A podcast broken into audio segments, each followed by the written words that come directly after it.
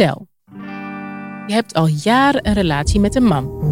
En tijdens een ingelaste adempauze word je tot je eigen verbazing verliefd op een vrouw. Dit overkomt John in de voorstelling Kok van Theater Oostpol. John besluit hierna op zoek te gaan naar zijn eigen seksualiteit. Want hoe kies je voor een ander wanneer je zelf niet eens meer weet wie je bent?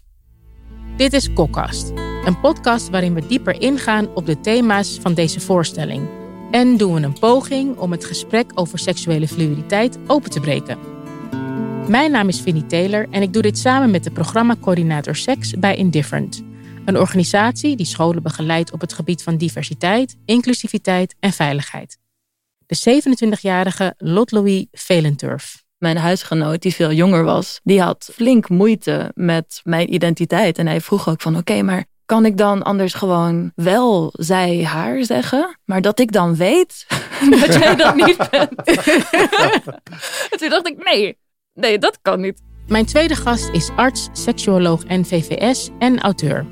Daarnaast geeft hij als freelance sexual health expert adviezen en onderwijs aan tal van instellingen in Nederland en Vlaanderen. En hij is een van de grondleggers van seksuologie in Nederland. De 72-jarige Rick van Lunsen. Er is maar één zinnig doel aan seks. En dat is plezier. En plezier zou er moeten zijn voor iedereen, welke gender dan ook. Iedereen heeft recht op seksueel plezier. In de eerste aflevering gaan we terug naar de basis. Wat betekenen begrippen als seksuele fluiditeit en gender eigenlijk? En gebruiken we ze wel op de juiste manier? Theater Oostpol gaf een eerste aanzet door een filmpje te maken waarin ze verschillende personen de volgende vraag stellen. Op een schaal van 1 tot 10. Hoe hetero ben je? Ik denk dat de kans klein is. 63 jaar hetero. Zes, ergens in het midden. Homoseksueel. Drie, vijf. Buiten het spectrum om. Ik denk dat ik me niet op dat spectrum plaats. Ik ben bi voor de buitenwereld. ik denk wel dat ik hetero ben. Lot Louis, jij coördineert zelf eh, seksprogramma's voor scholen. Zijn dit onderwerpen die ook aan bod komen in het programma? Jazeker. Als je je even een gemiddelde middelbare schoolklas voorstelt, dan kan je misschien wel bedenken dat bijna iedereen zegt dat hij 100% hetero is. Terwijl Ja. dat natuurlijk ook statistisch niet zo is. Of niet zo kan zijn. Dus zeker, ja, daar hebben we het veel over.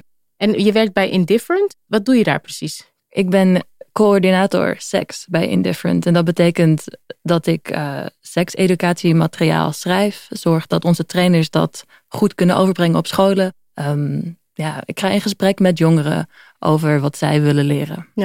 En jij bent zelf, je identificeert als non-binair. Jazeker. En als ik jou de vraag stel op een schaal van 1 op 10, hoe hetero ben jij? Ja, hier heb ik best. Deze vraag krijg ik natuurlijk vaak. Ja. Ehm, ja, ik weet het niet meer. Ik ben vroeger uit de kast gekomen als bi, toen als lesbisch, toen als weet ik niet meer. En nu zeg ik dat ik val op charisma. Oh, dat is denk ik nog het meest. ja. Daar denk ik, oh ja, daar ben ik het eigenlijk altijd wel mee eens. Ja. Nee, ik zou niet weten. Ja, voor mij persoonlijk is het niet heel relevant. Rick, als ik het aan jou vraag, hoe hetero ben jij op een schaal van 1 tot 10? Ik ben natuurlijk eigenlijk het vreselijkste wat je kunt bedenken.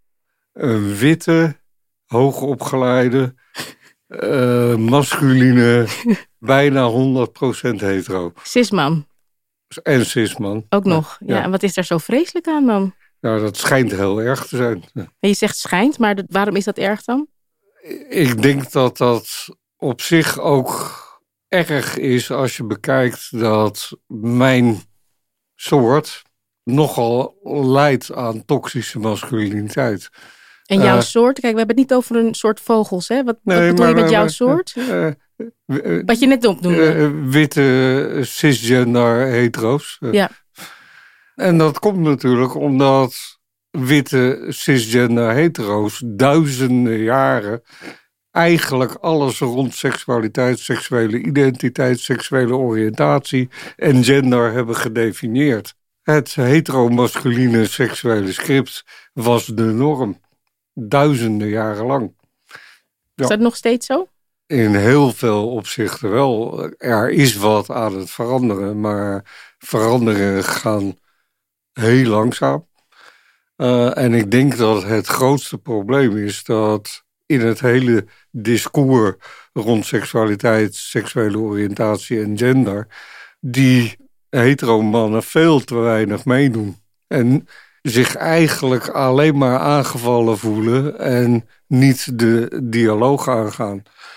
Ik denk dat na vrouwenemancipatie, gender-emancipatie, homo-emancipatie, het ook hoog tijd wordt voor hetero-emancipatie. Ja. En daar zijn wel wat eerste tekenen van, maar het bizarre verzet van al die mannen die zich aangetast voelen in hun zijn en in hun macht. Uh, ja, dat is zo weerbarstig. Uh, dat daar nog heel veel tijd en heel veel inspanning Ja. uh, van veel mensen overheen gaat voordat dat echt gaat veranderen. Jij bent zelf arts seksuoloog en je bent een van de grondleggers van de seksuologie in Nederland.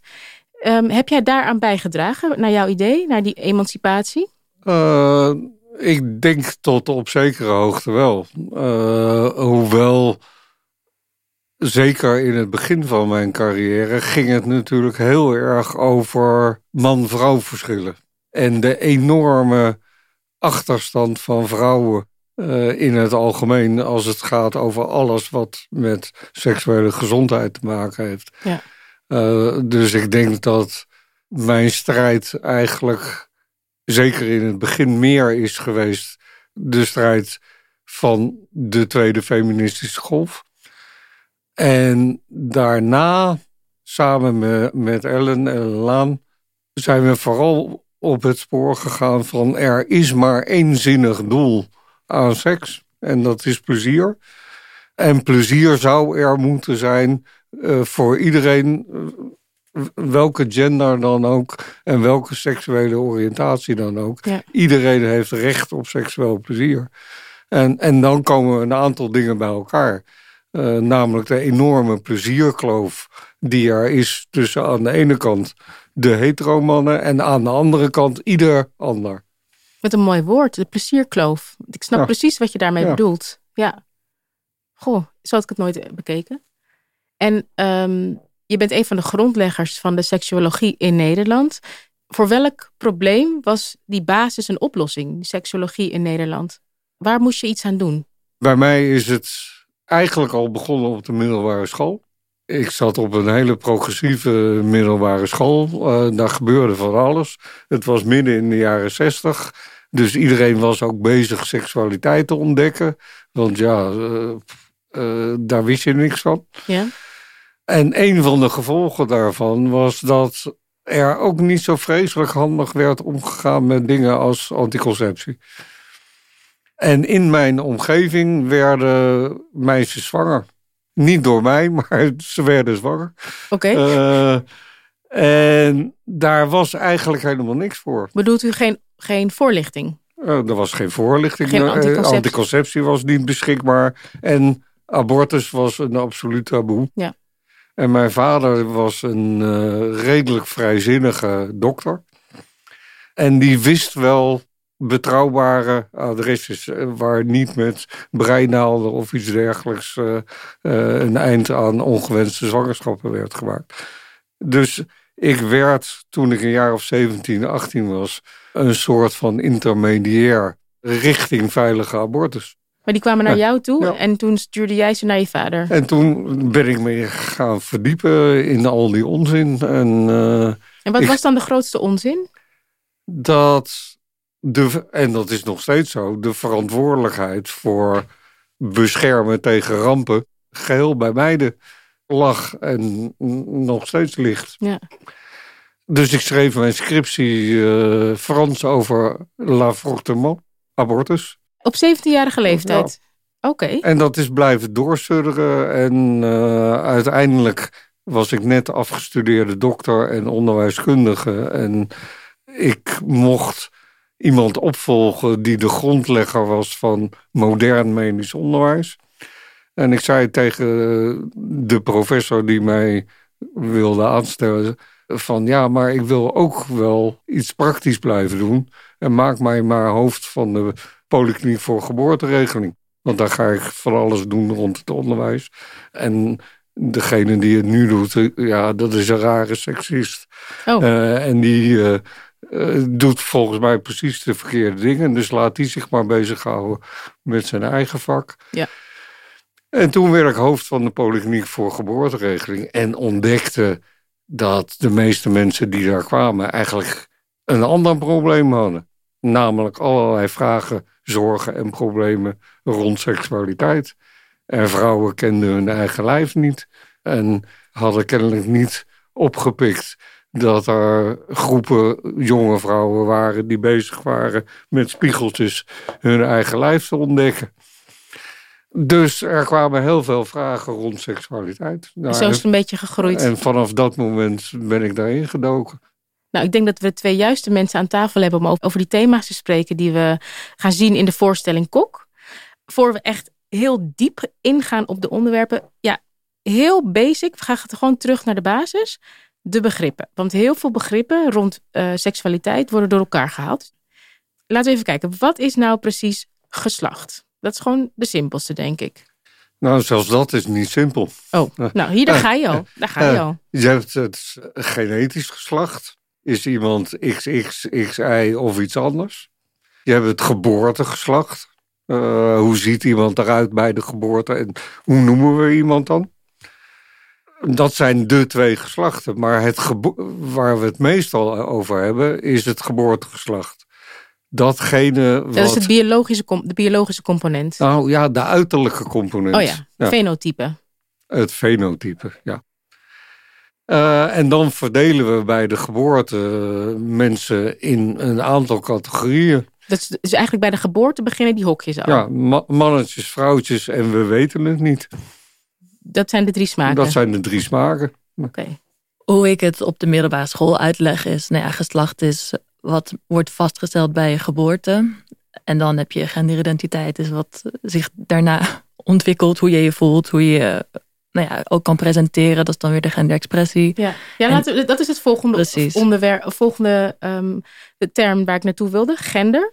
Gender is uiteindelijk hoe iemand zich voelt. Ja, en dat is niet alleen man of vrouw, dat is alles daarbuiten en daarbinnen. En dat hoeft niet binair te zijn en dat kan wel. Ja. En, eh, En op het oog ook weer een hele simpele seksuele voorkeur. Ook dat is heel ingewikkeld. Ja, zie je, Nou, daar ga je ook al in. eh, seksuele voorkeuren eh, omvatten aan de ene kant op wat voor soort mensen val je. Dat is niet alleen hetero en homo. Seksuele voorkeuren eh, waarvan wij zeggen dat zit in je, in je love map. De liefdeskaart eh, in je brein waarin eigenlijk alles een beetje voorbestemd is. Die seksuele voorkeur kan ook gericht zijn op niet-humane eh, objecten. Eh, Oh, dat zijn eigenlijk alle voorkeuren, seksuele voorkeuren, die niet gericht zijn op een persoon van ongeveer dezelfde leeftijd, eh, die ook kan instemmen, in staat is om in te stemmen met seksuele interactie. Maar eh, dat omvat dus voorwerpen, fetischisme. Eh, en aan de andere kant kun je zeggen van iedereen heeft wel ergens een parafiel hoekje. Ja. Eh, maar waar, we- waar we het over hebben zijn mensen waarbij zeg maar dat voorwerp belangrijker is dan de eventuele bezitter van dat voorwerp. oké. Je hebt mensen die vinden het leuk om te spelen met onderwerping en dominantie, BDSM. Maar je hebt ook mensen die alleen maar seksueel opgewonden kunnen worden door iemand te onderwerpen. Nou, kortom, je kunt het niet zo gek bedenken of het bestaat wel. dat laatste categorie die je noemt, daar gaat de middelbare schoolklas vaak helemaal op aan. Terwijl wij willen het eigenlijk juist hebben, omdat iedereen vaak vertelt van, maar ik ben echt heel erg hetero.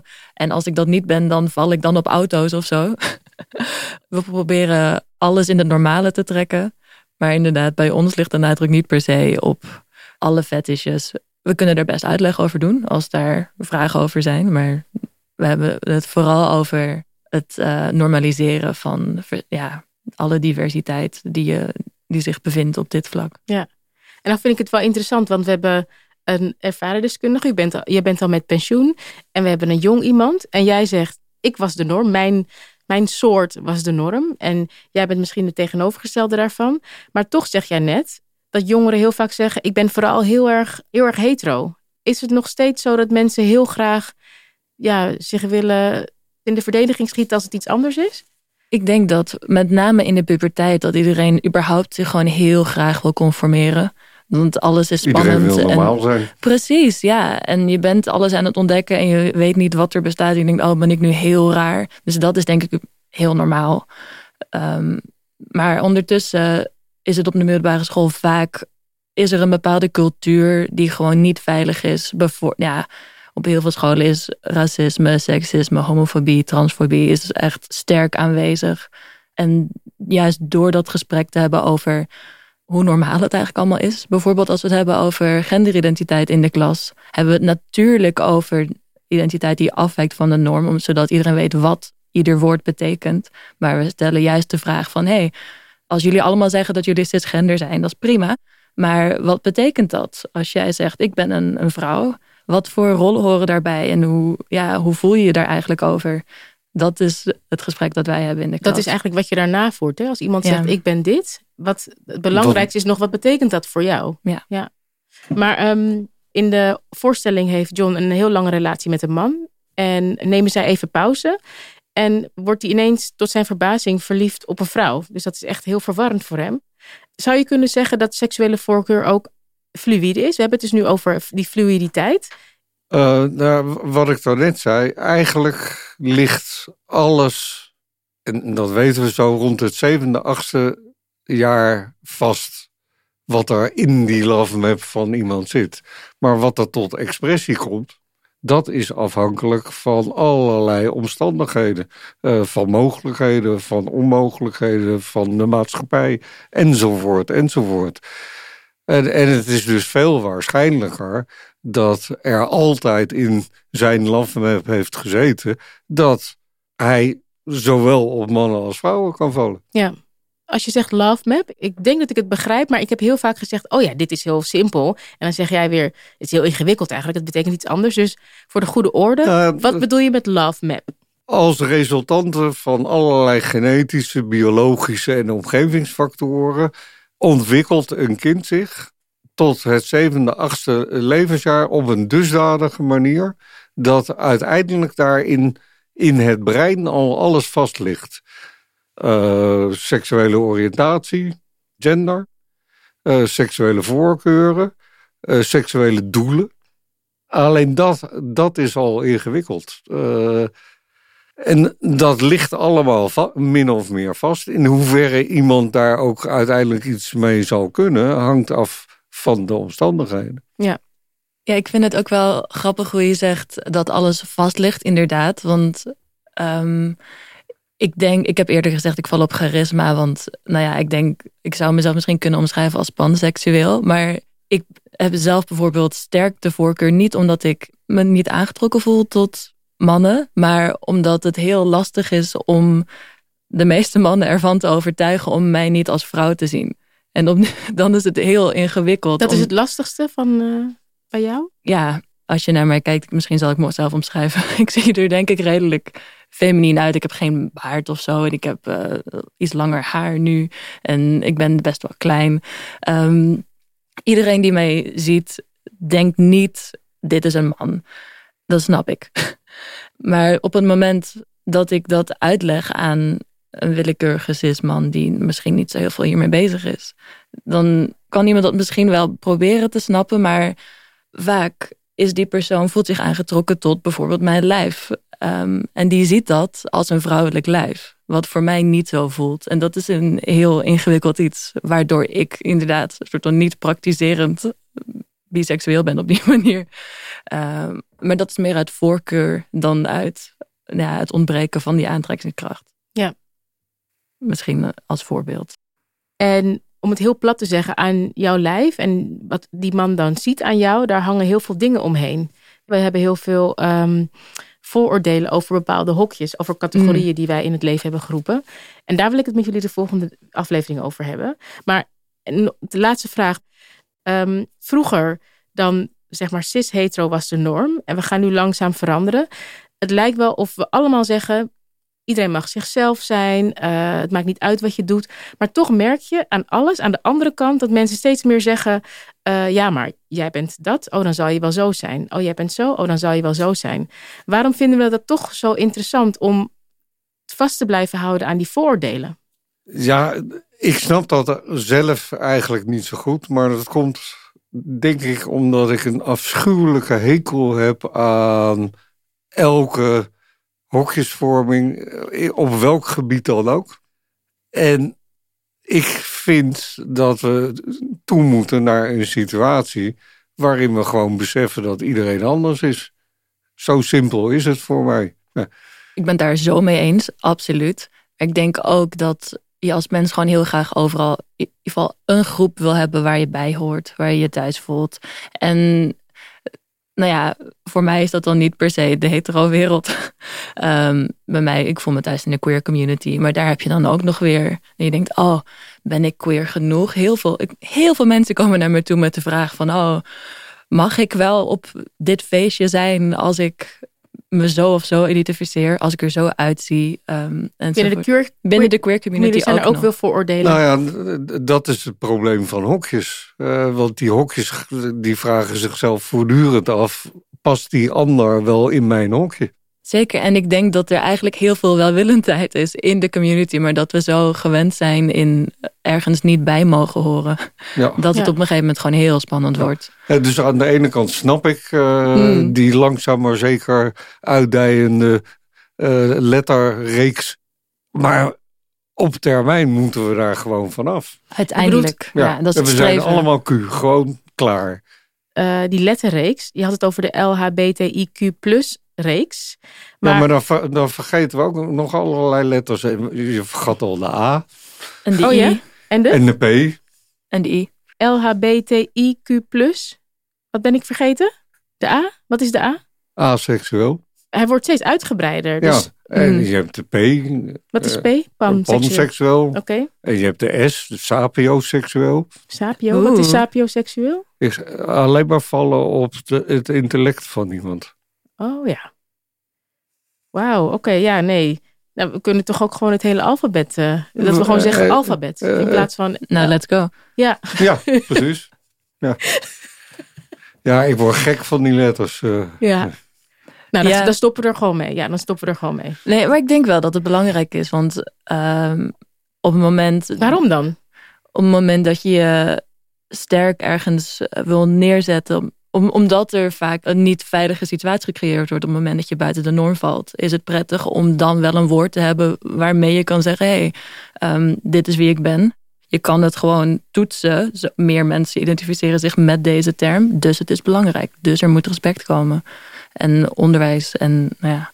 en dat is dan wel nodig, inderdaad. Ja, maar wa- wat ik ook verwarrend vind, is dat in die hele letterreeks er van alles door elkaar loopt. Ja. Eh, zowel genderidentiteit als seksuele Ja, oriëntaties. het, is- het is als- inderdaad ja. zowel oor- eh, gender, identiteit, expressie, voorkeur. Tuurlijk, ja. En het, het is ook niet een lineair verloop van het vormen ja. van Ja, zo'n eh, ja. Nee. hele grote afkorting. Ja. Dus op zich vind ik het prima. En, en ik snap het ook wel. Voor de emancipatie van minderheidsgroepen eh, is het nodig eh, om jezelf te benoemen. Maar is het doel dan om uiteindelijk af te komen van die letterreeks? Dat Nou, is als het, eh, ik weet niet wiens, wiens doel wat is, Mijn maar doel, mijn doel ja. wel. Oké, en jouw doel ook, Lot Louis? ja, zeker. Oké. Maar tot die tijd gebruik ik hem. Dit was de eerste aflevering van Kokkast. En heb je net als ik moeite met het onthouden van die letterreeks? Lees dan vooral de boeken die Rick schreef met Ellen Laan. In de volgende aflevering hebben we het over de hokjes waarin mensen worden ingedeeld. Wat een raar woord eigenlijk, hè, uit de kast komen. Compleet, ja. Ja. Sommige mensen Moet zeggen... er ook maar eens mee opbouwen. Sinds wanneer moeten hetero's uit de kast komen? Wil je meer informatie over deze podcast of wil je meer weten over de voorstelling Kok? Ga dan naar www.oostpol.nl.